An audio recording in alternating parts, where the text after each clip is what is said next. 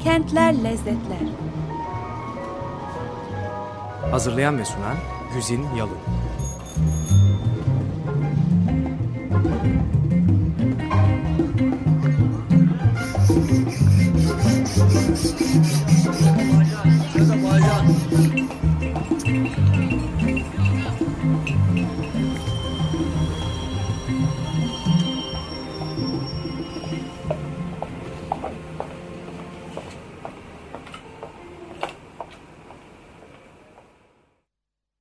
Sevgili Açık Radyocular merhaba. Kentler, lezzetler e, bu hafta size e, bir hafta önce kaldığı yerden e, Orta Avrupa'yı gezdirmeye devam edecek. E, geçen hafta bir tekrar programı yayınlandığı için özür diliyorum. E, bazen oluyor böyle yetişmek zor oluyor ama e, iyi oldu araya farklı bir kent girmiş oldu. Peş peşe aynı bölgeden, aynı kültürden, kentlerden bahsetmek bazen belki sizi sıkabilir diye bir korkum, bir kaygım oluyor doğrusu.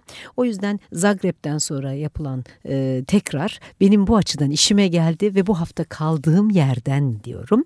E, başka bir e, benzer e, o yöreye ait kenti sizinle paylaşmaya e, hazırım. Budapeşte'ye gideceğiz. Ben daha evvel başka programlarda Budapeşte ile ilgili konuşmuştum. Budapeşte programları yapmıştım biliyorum. Ama yakın zamanda yaptığım yeni bir Budapeşte seyahati o kente duyduğum aşkı e, alevlendirdi. E, her gittiğimde e, gelişmiş değişmiş başka bir boyutunu buluyorum falan sizinle yeniden bir e, ucundan tadına bakmak, lezzetlerini hatırlamak istedim. E, Budapeşte'nin çekiciliği sadece benim için mi söz konusu bilmiyorum. Aslında zaten bilmiyorum su kenarındaki mekanlar size de daha çekici geliyor mu? E, sanıyorum beni Budapeşte bu kadar aşık e, eden, e, cazip olmasını benim için e, sağlayan şeylerin başında Tuna Nehri geliyor tabii.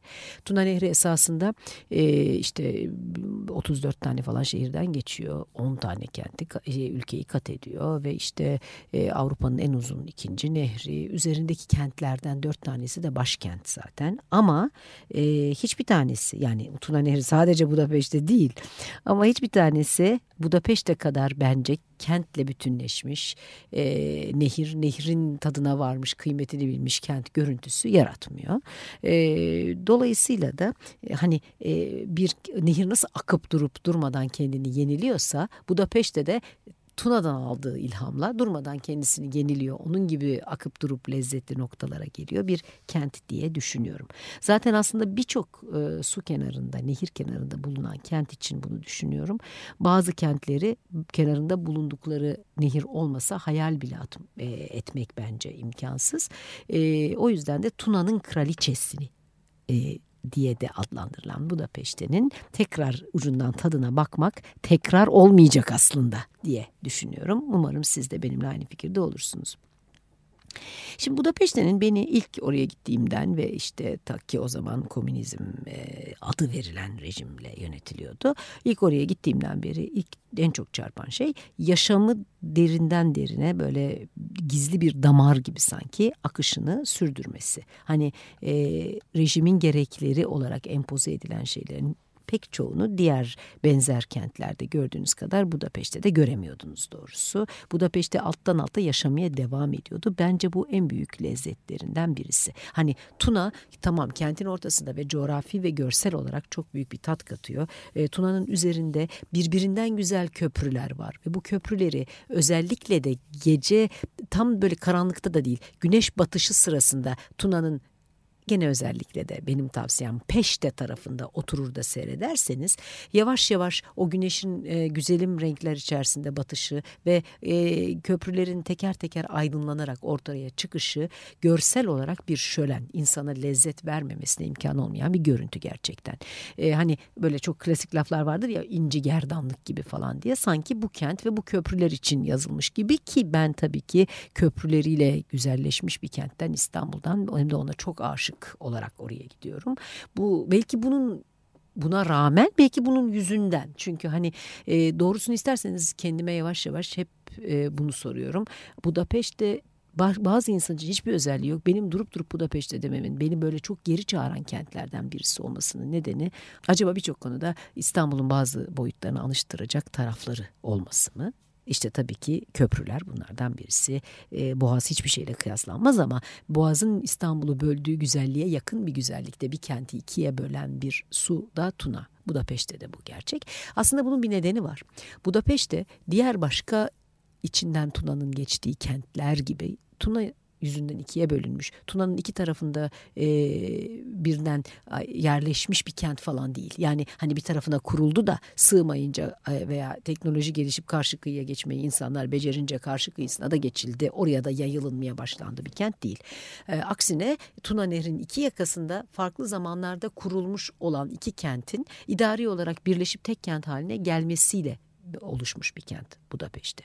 E, Buda tarafı e, daha e, işte e, dağlık böyle daha yüksek tepelerin filan olduğu taraf. E, Peşte tarafı da daha düz ovalık bir taraf.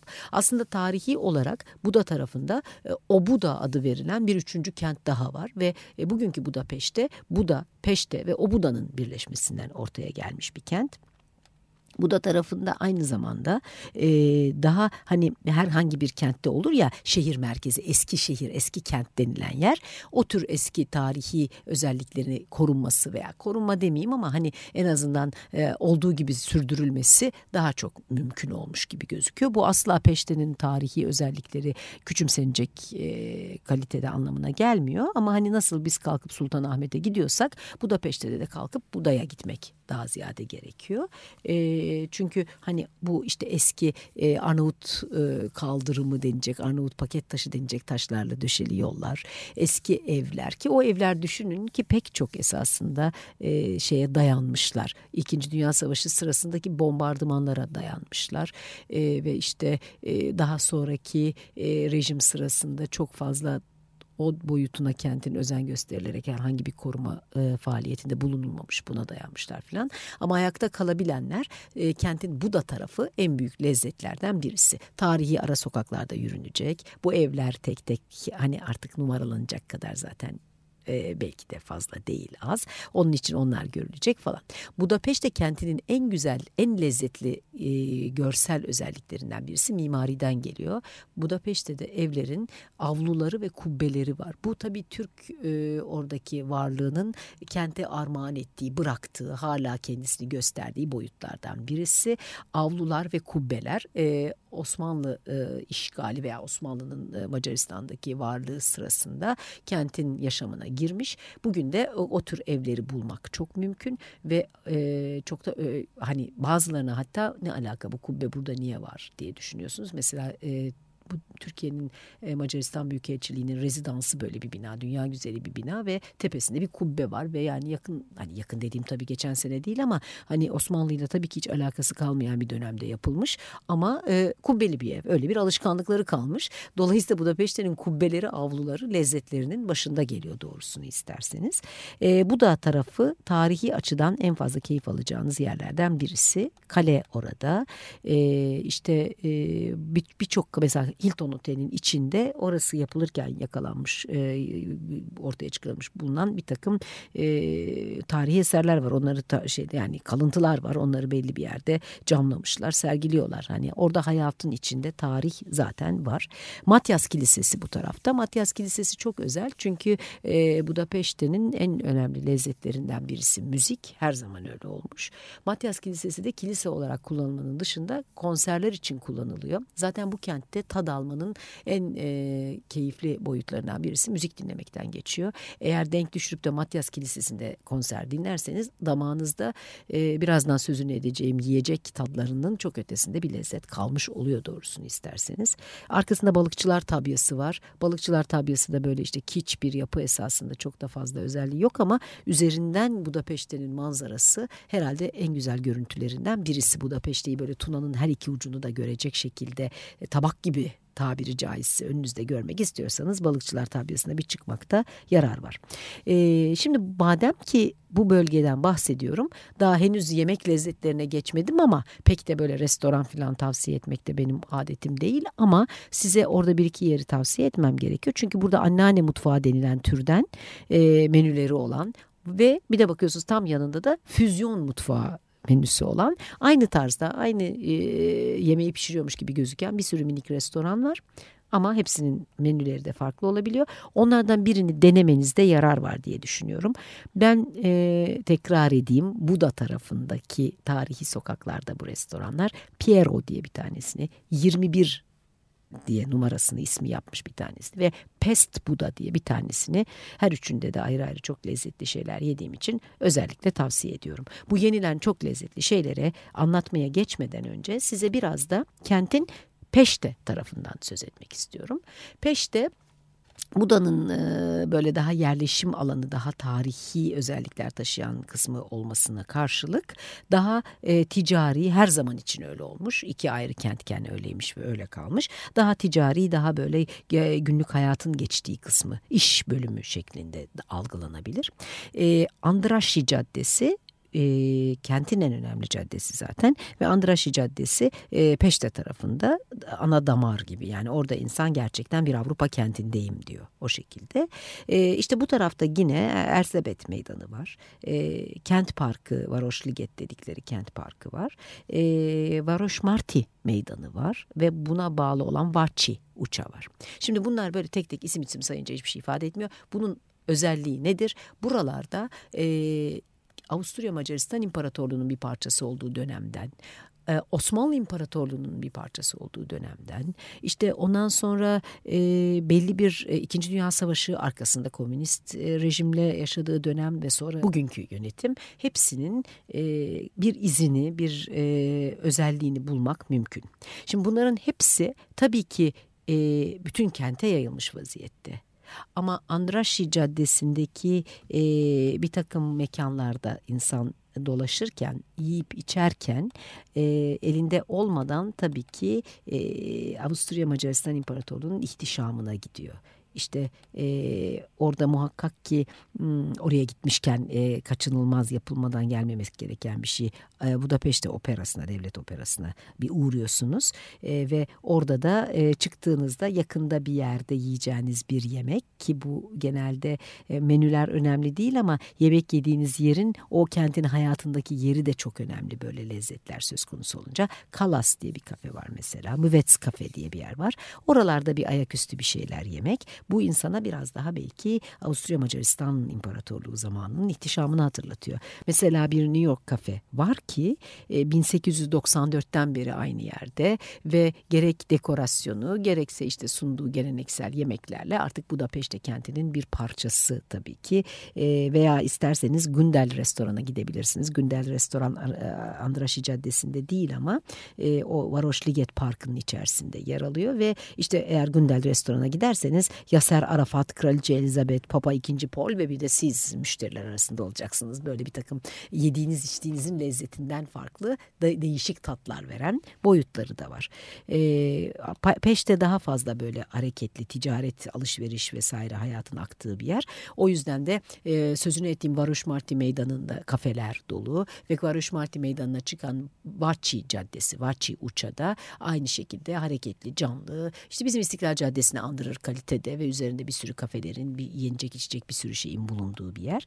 E, şimdi eğer yemek lezzetlerine dönecek olursak Peşte'den ve Buda'dan böyle kısaca bahsettikten sonra benim aklıma hemen ilk olarak Varoş Marti Meydanı'ndaki Jerbo e, pastanesi geliyor.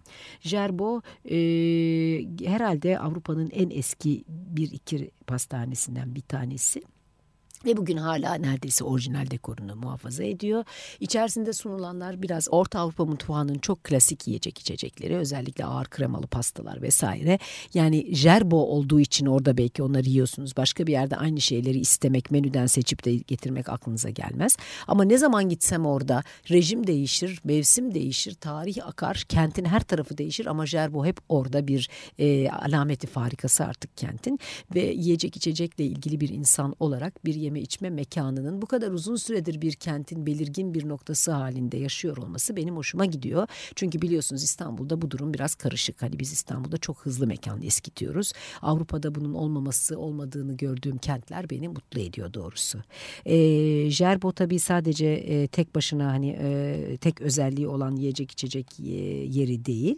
E, burada e, Vaçi dediğim caddenin yani Jerbo'dan çıkıp e, kentin öbür tarafına doğru giden cadde caddenin üzerinde bir de Zamos Gourmet Place adlı bir dükkan var. Bu dükkan şu anda bir restoran ama bunun orijinali bir dükkan esasında ve neden ilginç? Asıl ürettiği şey acı badem ve marzipan.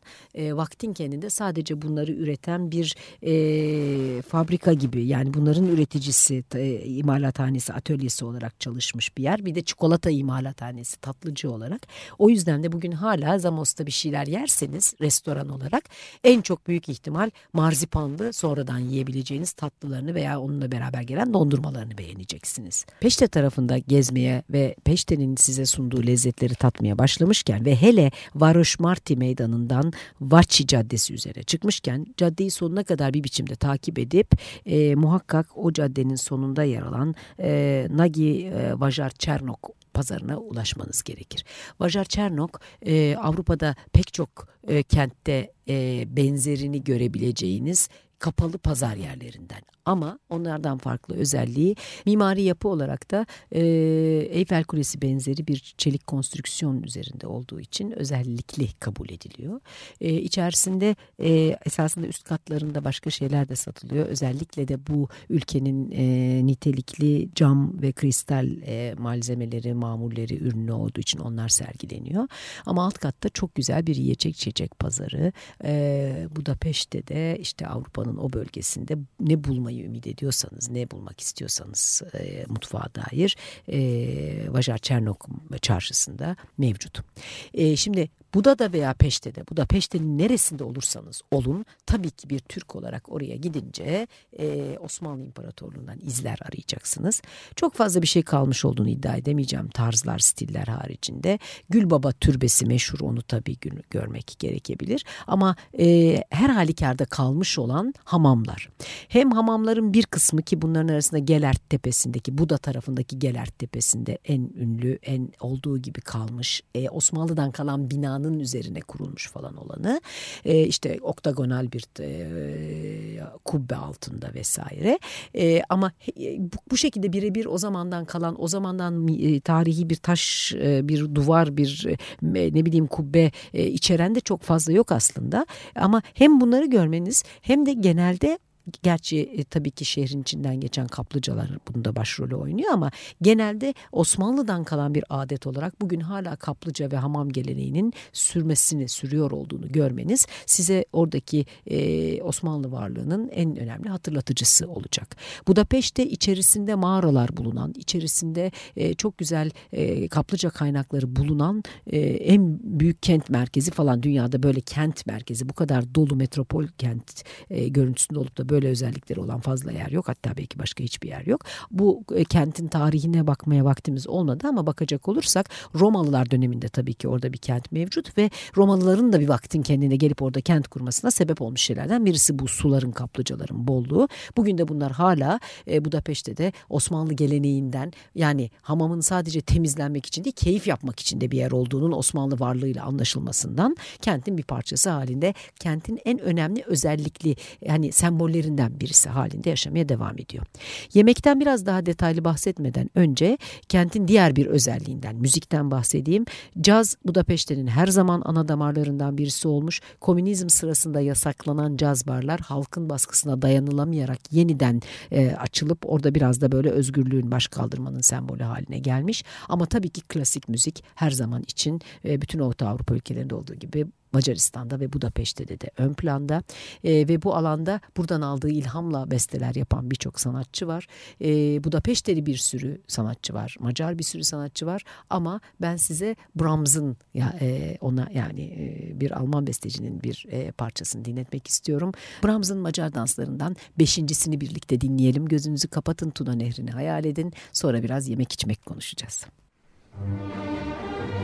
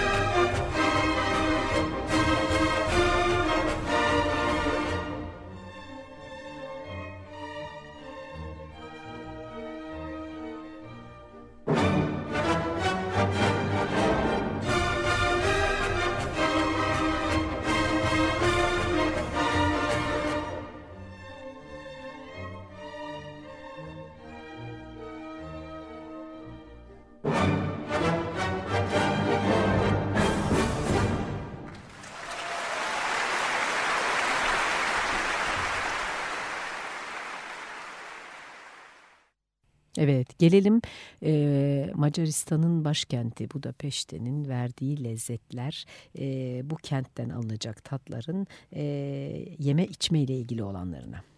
E, Macar mutfağı çok çok büyük özellikler taşıyan bir mutfak değil. Tabii ki Osmanlı mutfağında da etkileri var ve Osmanlılar da e, orada birçok etki bırakmışlar. Yıllarca birlikte yaşanmış çok doğal.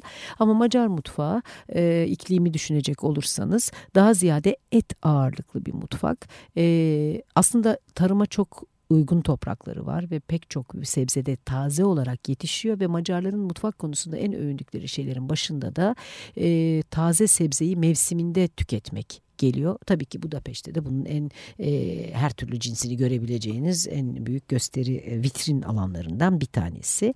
E, Macar mutfağında e, birkaç böyle etnik farklı gastronominin toplamıdır falan bile denilebilir. Biraz böyle e, şeyler var. Hani e, içerisinde yaşayan diğer mesela e, romanların, çingenelerin mutfağı biraz daha farklı gibi. Avusturya kökeni oradan gelen e, mutfak biraz daha farklı. E, ama bunlar çok böyle hani çok değişik. Türkiye'deki kadar farklı mutfaklardan söz edilecek kadar büyük boyutlarda farklılıklar göstermiyorlar açıkçası. E, tabii herkesin aklına gelen şey gulaştan bir bahsetmek gerekir. Gulaş aslında bizim bildiğimiz tas kebabının e, çorba gibi suyu içilebilecek daha sulusu içerisinde patates olanı.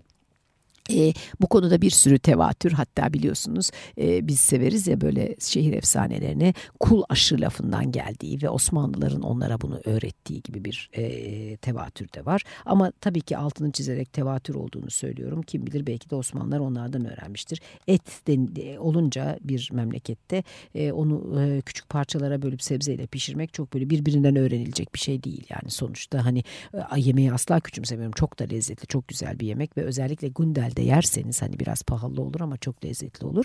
Ama hani çok klasik standart bir yemeği bu Macarların. Aynı derecede bir başka klasik yiyecek içecek kavramı maddesi Macar mutfağında e, kırmızı biber, paprika dedikleri kırmızı biber. Ama Macar mutfağının e, kırmızı biberi farklı. Onlar tatlı kırmızı biber kullanıyorlar. Kırmızı toz biberden bahsediyoruz. E, pul biber değil ve hemen hemen her zaman tatlı olanı. Çünkü o kadar çok kullanılıyor ki zaten o kadar kullanılan biber hani acı olsa insan hiçbir şey yiyemez. O, öyle bir şey yok. Tatlı biber kullanıyorlar.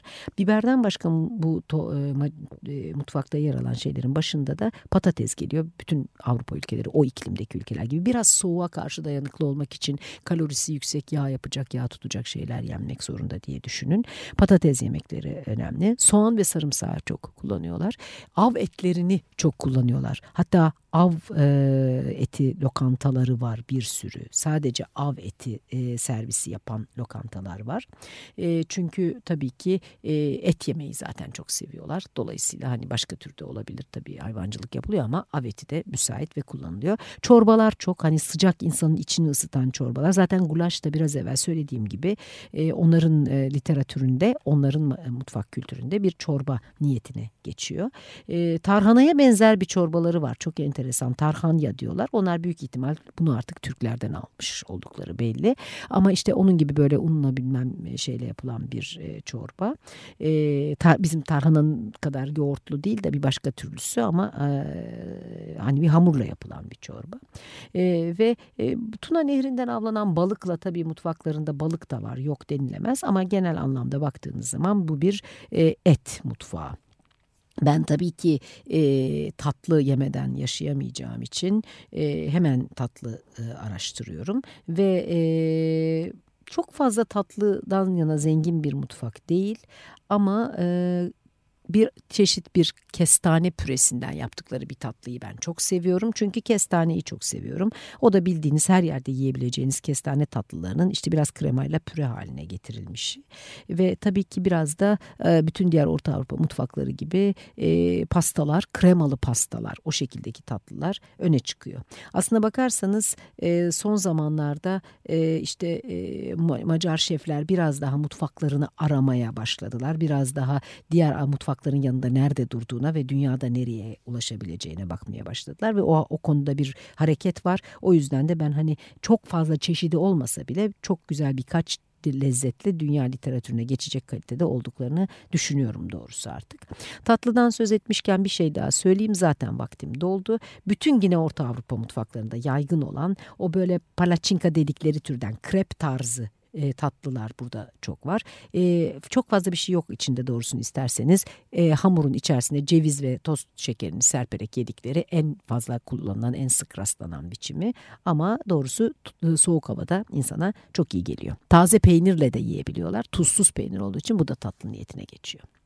Evet bugünkü programda bir kere daha Orta Avrupa'ya gittik. Bir kere daha e, küçük ama kendi içinde çok sevimli ve insana çok değişik lezzetler verebilecek bir Orta Avrupa kentini gezdik. Bu da Peşte'deydik. Önümüzdeki hafta bilmem artık yol bizi nereye götürür ama birlikte yine güzel lezzetler peşinde olacağız. O güne dek e, her zamanki gibi bugün de yaşamımızın tüm boyutlarına lezzet ve bereket diliyorum. Hoşçakalın. Kentler Lezzetler Hazırlayan ve sunan Güzin Yalın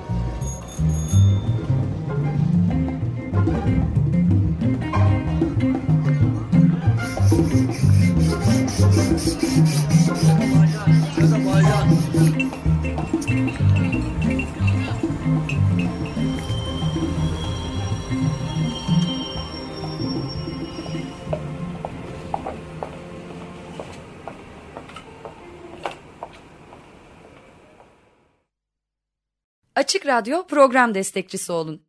Bir veya daha fazla programa destek olmak için 212 alan koduyla 343 41 41